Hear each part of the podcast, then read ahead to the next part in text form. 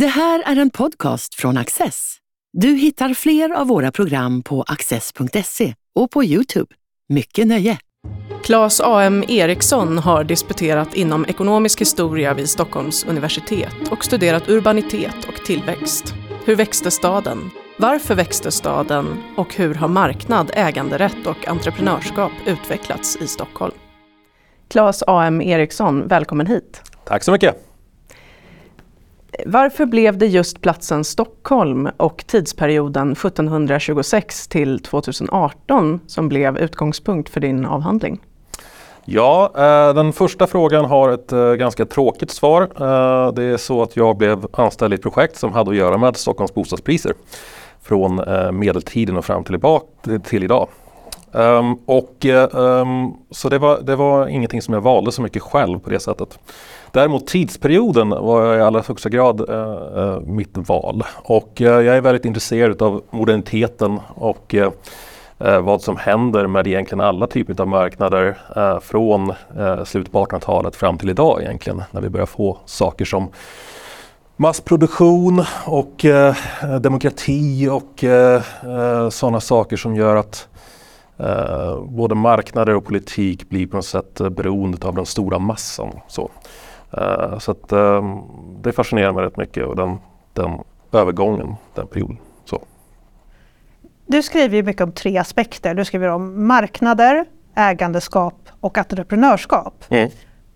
Och då började jag fundera på entreprenörskap. Betydde det samma sak i början av 1700-talet som det gör idag? Alltså själva ordet? Eh, början av 1700-talet? Ja, när du eh, började din undersökning. Ja, eh, det är en ganska bra fråga. det behöver det inte nödvändigtvis göra eftersom att vi hade ett helt annat ekonomiskt system. Vi hade till exempel inte den frihandelsreform som kom 1864 som är ganska viktig för den moderna formen av entreprenörskap med företag och sådana saker. Sen kan man väl säga att entreprenörskap är lite mer än det. Det är väl mer en, en form av, eh, också en form av attityd eller en form av ett sätt att eh, bedriva en verksamhet som är väldigt så nydanande och väldigt, eh, vad säger jag, eh, ska man säga, ganska oberoende utav, utav eh, andra aspekter. Man vill på något sätt bryta ny mark hela tiden. Och det har liksom eh, varit ett ideal som var i allra högsta grad eh, närvarande på 1700-talet. Inte minst när det gäller det institutionella entreprenörskapet som jag är ganska intresserad av i den här avhandlingen. Vi har flera av de reformer som, eh, som blir eh, viktiga för den moderna eh, moderniteten sen senare, slutet på 1800-talet, eh, grundas redan under frihetstiden, början på 1700-talet. Så att eh, på det sättet så är entreprenörskapet relativt lika, i alla fall som en, som en form av eh, ett sätt att vara så att säga. Just Stockholms bostadsmarknad är ju ofta diskussion, eh, uppe för diskussion så att säga. Men berätta lite mer vad som är särskilt intressant med Stockholms bostadsmarknad i din avhandling. Ja, alltså vad jag tycker är intressant det är att den följer väldigt mycket de institutionella eh, skiftningarna. Eh, det som jag kommer fram till här det är att jag, jag har ju som sagt de här tre benen i min avhandling. Jag har dels prisserier och sen har jag då eh, de institutionella eh, förändringarna som sker framförallt när det gäller plan och bygglagen. Och sen har jag då entreprenörskapet som en tredje ben. Och när det gäller de institutionella förändringarna så eh, tycker jag mig se, även om inte jag hittar någon kausalitet, så ser man definitivt en, en, eh, en korrelation mellan eh, institutionella förändringar och förändringar både när det gäller pristrender och när det gäller graden av entreprenörskap i det urbana rummet. Eh, så att, Eh, man brukar säga så, det finns en, en gammal tradition med ekonomisk historia att antingen är man materialist eller så är man institutionalist. Och eh, materialister pratar alltid om att ja, men det, är de, det är de konkreta sakerna som kapital och arbete och, och naturresurser som är det viktiga liksom, i ekonomin. Eh, Medan vi institutionalister då menar på nej men det är nog eh, lagar och regler, normer, attityder och sådana saker, eh, idéer som är det viktiga. Och eh, tycker ändå att det till viss del talar om att vi journalister har rätt. I alla fall det som jag kom fram till något, eh, Kan du ge något exempel på den här korrelationen som du tycker dig kunna se mellan institutionerna och bostadsmarknaden? Absolut. Nej, men, eh, vad, när det gäller prisserierna här så finns det ju eh, två eh, stora uppgångar i bostadspriserna eller fastighetspriserna i Stockholm.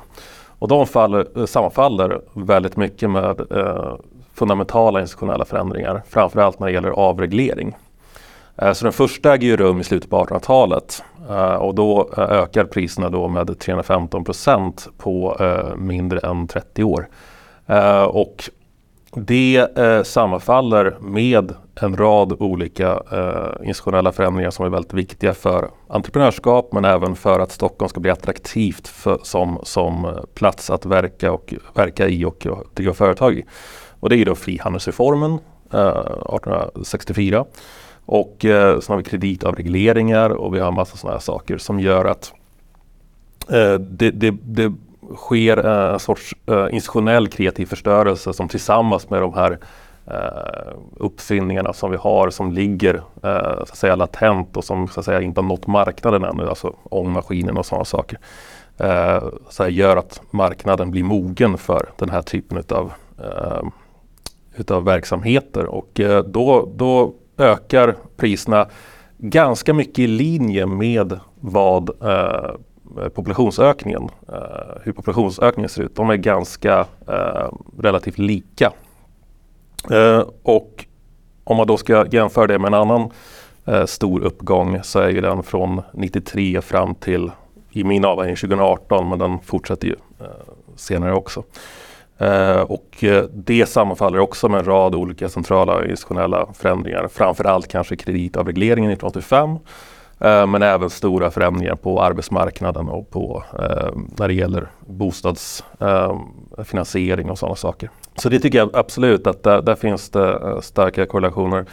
Eh, vad som är skillnaden mellan de två som jag försöker trycka lite grann på här i avhandlingen det är att eh, den kanske viktigaste institutionella reformen för i alla fall fastigheter och bostäder har inte förändrats sedan 1947 då. Uh, och det är ju um, hur ägandet regleras då, uh, när markägandet, fastighetsägandet regleras. Uh, den är i stort sett i allt väsentligt likadan idag som det var 1947. Och det innebär egentligen kort sagt att, att um, utbudet fortfarande är reglerat medan efterfrågan är relativt avreglerat. Så vad man ser är att priserna som ökar 373, 373 procent uh, sedan 93 uh, eh, då, uh, ökar betydligt mer än vad populationen ökar. Uh, som ökar i runda slängar 50 procent. Det är den stora skillnaden mellan uppgången 1800, på 1800-talet och nu. Och det, min tes är att det beror på att på 1800-talet så såg det institutionella ramverket fullständigt annorlunda ut när det gäller fastigheter och byggande.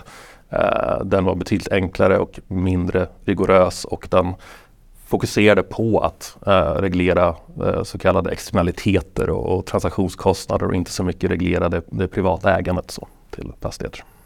Den västerländska äganderätten som ju vi idag ser som en självklarhet och som är en väldigt viktig utgångspunkt i din avhandling. Hur gammal är den egentligen? Ja, det beror på lite grann vad man menar med äganderätt till att börja med. Men man kan väl säga så här att eh, egentligen går det tillbaka väldigt, väldigt långt. I alla fall eh, tills vi började bli stationära i, vårt, eh, i vår ekonomi, det vill säga under eh, jordbruksrevolutionen när vi slutade vara jägare och samlare. Eh, vad som dock eh, kanske inte, eh, alltså, och, och, då vad, vad, vi kan hitta där är, är väldigt få formella institutioner när det gäller äganderätt. Även om det finns gamla, ehm, några få efterlämnade eh, reliker då från exempelvis Mesopotamien och staden Ur. Där det, där det finns eh, lagstiftning som reglerar äganderätt faktiskt. Ehm, men eh, där vi har relativt mycket källor och som, som är en sån här startskott för massa olika eh, aspekter av den västerländska civilisationen såklart, det är det antika Grekland. Och eh, där eh, så finns det ju lite grann sådär två, eh, två delar som brukar eh, så att säga, stå i kontrast till varandra. Det är Aten, Aten och Sparta då. Eh, Medan Aten då har en ganska eh, relativt ehm, stark individuell äganderätt, i alla fall om du tillhör rätt, ehm, rätt klass av människor. Uh, så är ju då Sparta då väldigt kollektivistisk och väldigt central, central, centralstyrt och så vidare. Uh, och det är ju Aten som, som mycket av de institutioner som sedan ska så att säga, bli uh, rådande föds då. Sen är det ju också en viktig sak, alltså med äganderätten och med den moderna statsbildningen så är ju också marknader, det, det som alltså för, för att marknaden ska fungera Eh, framförallt när det gäller stora grupper så, så måste man ju ha en äganderätt och marknaden som sådan uppkommer ju i mångt och mycket, det här är liksom, eh, nu går vi till långt bak i tiden så nu blir det lite spekulation här. Va? Men man kan i alla fall eh, förenklat säga att eh, den jordbrukande befolkningen var tvungen att mötas för att då eh, handla med eh, varor och tjänster Eh, med varandra. Och då blev det så att säga den här marknadsplatsen utvecklades så småningom till det som vi idag skulle kalla för städer. Eh, så att marknaden är så att säga grogrunden för den moderna urbana eh, strukturen. Då. Eh, och det förutsätter ju någon form av äganderätt eftersom du måste handla med varor och tjänster. Och så. Och eh, de här informella institutioner, det vill säga att du, du äger din jord och så vidare, du äger din mark som uppkommer jordbruksrevolutionen, de blir formaliserade med städerna eftersom att städerna om man i jordbrukssamhället då har en ganska liten grupp människor som eh, känner varandra och de här informella institutionerna så att säga är självskrivna så blir det svårare i, i större samhällen med många människor där vi inte känner varandra. Då måste vi ha de här nedskrivna, då måste vi ha alltså det, den moderna rättsstaten och sådana saker. Det är det som uppkommer med eh, städer och eh, alltså det som vi egentligen kallar för civilisation. Att främlingar ska kunna agera och, och ha utbyte av varandra på ett fredligt sätt. Eh, så. Hur har den här urbaniseringen sett ut i andra länder? Är det jämförbart mellan Sverige och så att din forskning kan jämföras också med andra länders forskning? Ja, alltså det beror på lite grann uh, under den här tidsperioden som jag tittar på. Uh, Sverige är ju relativt sent med uh, den moderna urbaniseringen om vi pratar alltså den tidsperioden som jag tittar på, alltså 1700-talet fram till idag. Då. där är ju länder som framförallt England som, där den industriella revolutionen sker mycket mer urbant utvecklat och även länder som Tyskland och så.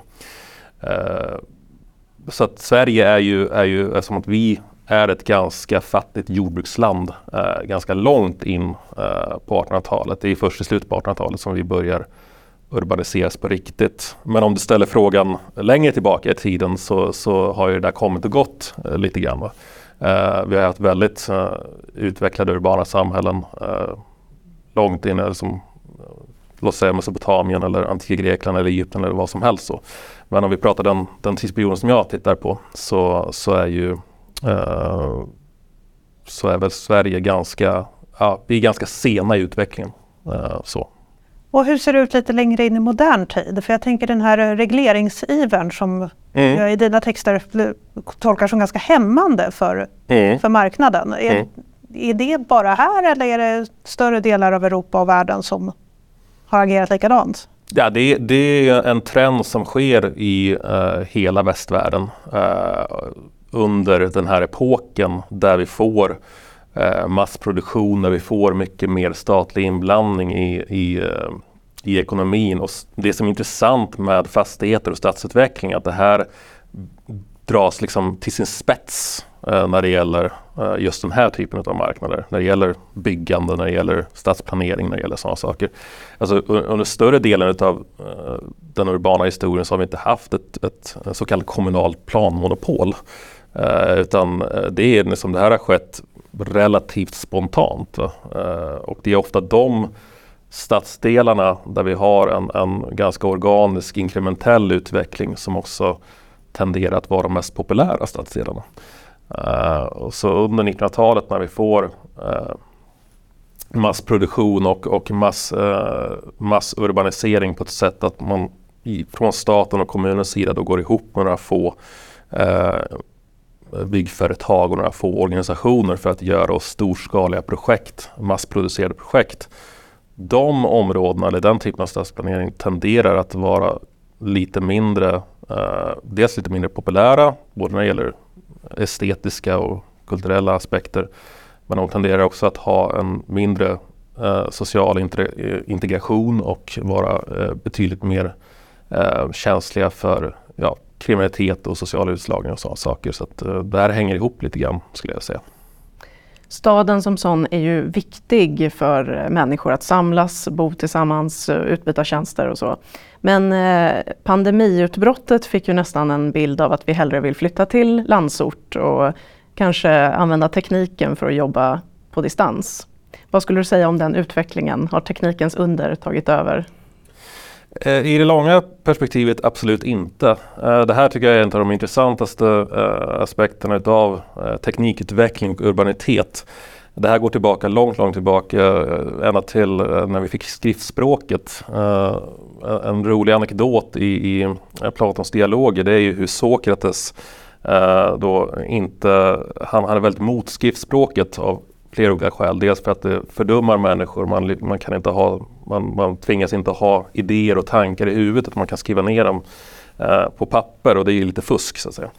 Eh, och samtidigt då menar han på att just torget, dialogen, alltså det som är staden, det som är det intellektuella utbytet kommer att bli lidande för folk kan ju sitta hemma på sin kammare och läsa istället och skriva och då blir de väldigt icke-sociala. Uh, det var ju en, en, en, ganska felaktig analys av, av vad skriftspråket innebar. Och, uh, utan vi fick snarare en, en rejäl urbanisering i med skriftspråket. Och samma sak gäller många andra tekniska innovationer, inte minst boktryckarkonsten, ångmaskinen, flyget, you name it. Um, av de få saker som jag kan se som, som verkligen hämmar urbanisering, det är just när institutionerna, det vill säga lagen och reglerna eh, för hur den urbana byggandet, marknaden för urbanitet eh, får så att säga skeva incitament. Alltså den enda gången som, som till exempel Stockholms innerstad förlorar eh, invånare det är då när man eh, dels då prisreglerar eh, hyresrätter och bostadsrätter i innerstan men subventionerar egnahemsboendena i förorterna. Så att det, det blir ett incitament i att bo i de nya villaförorterna till exempel. Och så. Eh, det är en av de få gånger som, som innerstaden tappar uh, befolkning. Så pandemieffekten får inte den Nej men alltså det, det, det, är samma, alltså när, när, eh, alltså när internet kom 95, någonstans 94, 95, alltså när det blev liksom, så att säga, började bli etablerat vi har ju knappast haft en mindre urbanisering under den här perioden där, där, där internet har varit den, den stora så teknologiska revolutionen. Utan det har blivit precis tvärtom. för några år sedan så, så gick ju den, de, de människor som bor i, i städer eh, är nu idag fler än de som bor på landsbygden. Det är första gången i världshistorien som det eh, sker och det har skett i en rasande takt de senaste 30 åren. Så att eh, om, om internet eh, så att säga skulle, eller den teknologiska utvecklingen skulle hämma det här då är den ganska ineffektiv på det. Det är lite spännande för att eh, som stockholmare så föreställer man sig att priserna på bostäder går stadigt uppåt över tid. Mm, mm. Men du skriver ju ändå om olika stagnerande perioder. Mm. Eh, och det är då den här som du nämnde nu, eh, egna, att när man subventionerar det egna hemsrörelsen. Mm, mm. Men finns det någonting i närtid som som också gjorde att det stagnerade? Ja, alltså det är klart att det finns alltid eh, Alltså det finns chocker, externa chocker som kan, som kan göra att, att eh, saker och ting stagnerar tillfälligt. Jag menar vi har, eh, vi har krig, vi har pandemier. Nu gick ju förvisso priserna fortfarande upp under pandemin men, men de kanske inte hade gått upp lika eh, brant. Um, och vi har såklart att man höjer räntor och sådana saker. Det blir alltid en, en viss i alla fall en, en, en viss avmattning.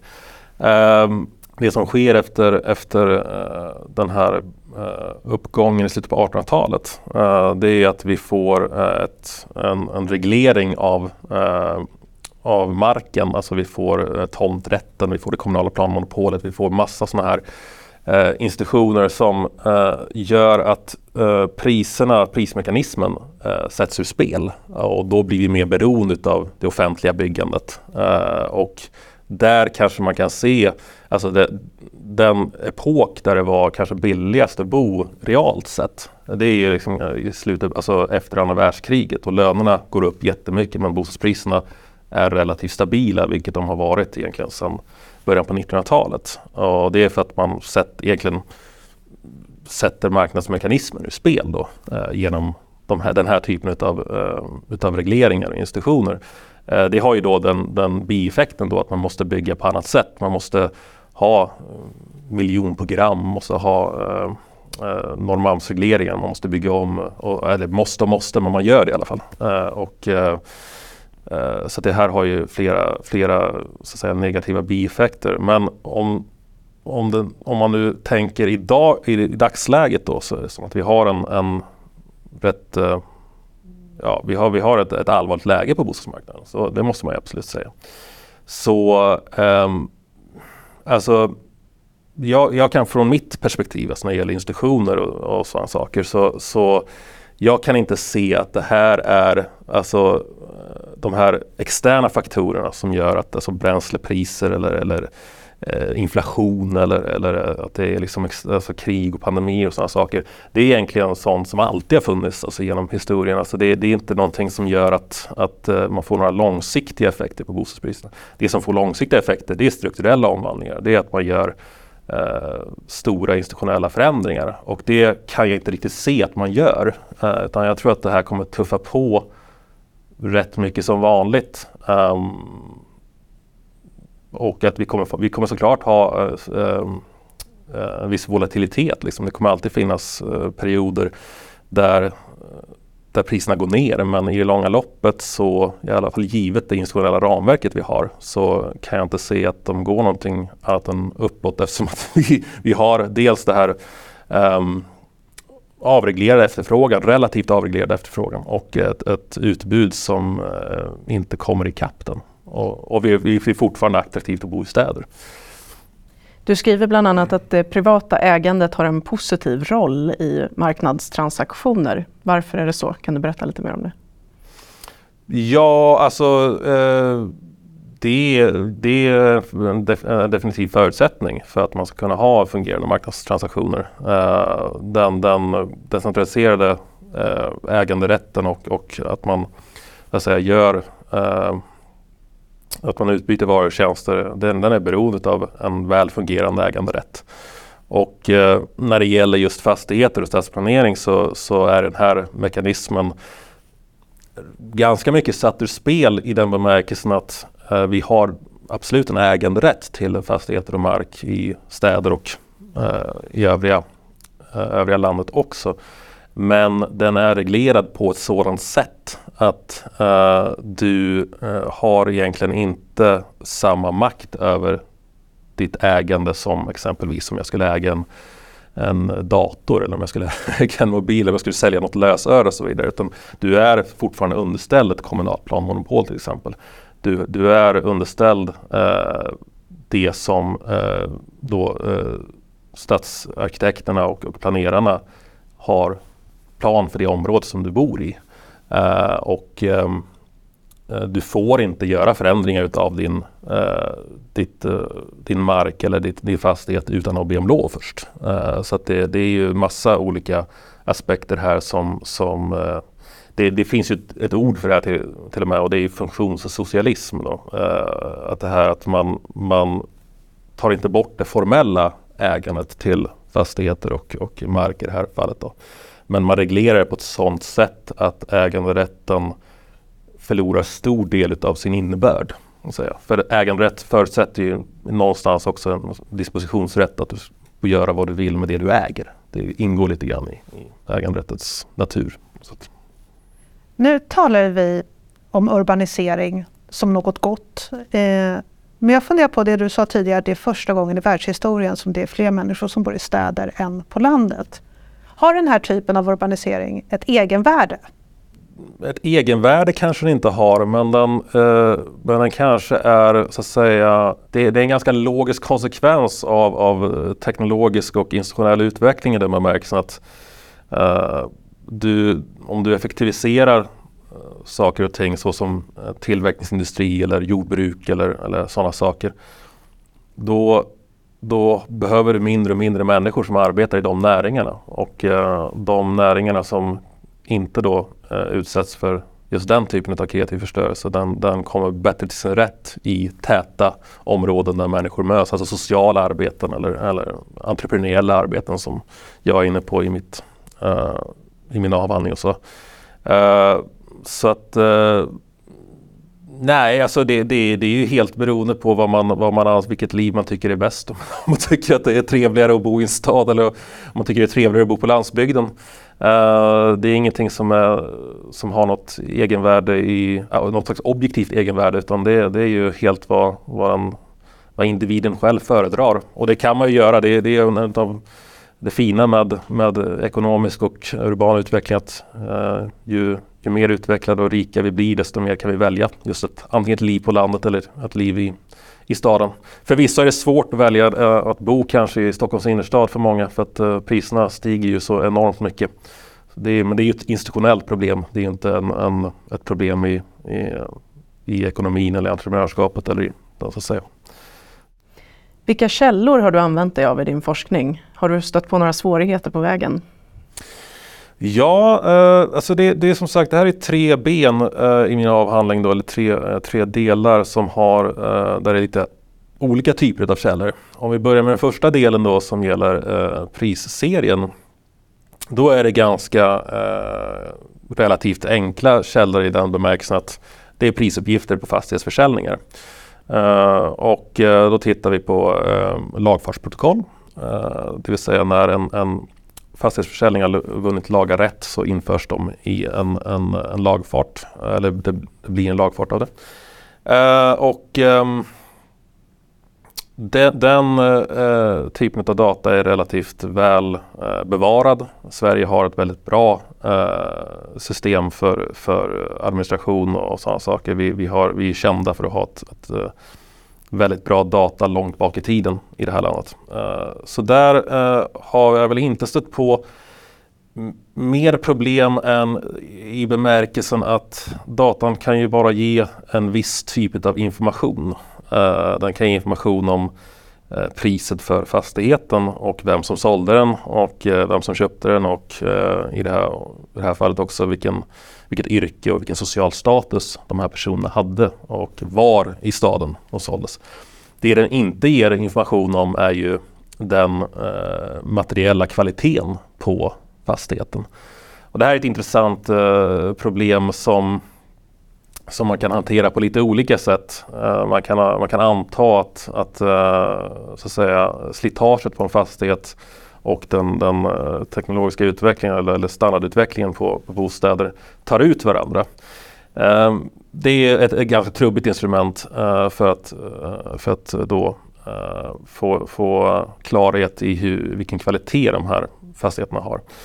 Ett, ett, annat sätt är att titta på taxeringsvärden som mer inriktade, inriktade på det som man brukar kalla för bruksvärde då snarare än ett marknadsvärde. Eh, och då tas ju sådana här saker som materiell standard eh, lite, får lite mer vikt än att en var den ligger eller, eller vilket, eh, vad den har just för värde på marknaden just där och då. Det kan man också jämföra med. Sen finns det ju en, en, en, en allmän filosofisk diskussion som jag anknyter lite grann lite till. Va? Och det är att det här med materiell standard egentligen kanske inte är så viktigt för att förstå marknaden ändå när det gäller fastigheter. För att de personer som köper och säljer fastigheter de kan i bästa fall jämföra med eh, andra fastigheter där och då. Men historiskt sett så det är inte så att vi köper en fastighet idag och tänker att ja men om hundra år så kommer det här vara mycket, mycket bättre därför så måste jag jämföra med det. Det blir ett väldigt konstigt sätt att tänka på. Uh, och man kan i bästa fall kanske jämföra med uh, om det har skett en ordentlig standardutveckling. Om man kan jämföra med 50 år tillbaka i tiden till exempel. Uh, men oftast så är, kan inte ens det möjligt. Det var ju möjligt under kanske 50 och 60-talet när vi fick den här enorma standardutvecklingen då med eget, alltså eget badrum och sådana saker. Och, och centralvärme och sådana saker. Till stora, folk, alltså då hade ju folk minnen av liksom utedass och kallvatten och sådana saker. Men för det mesta så har ju inte folk det. Så att det här med att eh, standard, alltså vi, vi har använt bostaden för att bo i och vi har använt fastigheter för, för att verka i. Så det, det, är väl det som är dess, eh, dess användningsområde. Sen har det standarden sett ut olika genom olika men, men själva som säga, användningsområdet har varit detsamma och, och att jämföra över tid det är kanske inte helt relevant egentligen. Jag kan nog ändå tycka att efter att ha läst din avhandling så förstår jag Stockholms bostadsmarknad bättre genom att ha backat 300 år bak i tiden. Så att, eh, stort tack för att du kom hit och berättade om det här, Claes A.M. Eriksson. Tack så mycket, mycket trevligt att vara här. Du har just lyssnat på en podcast från Access. Du vet väl att vi också är en tv-kanal och tidning? Teckna en prenumeration idag på access.se.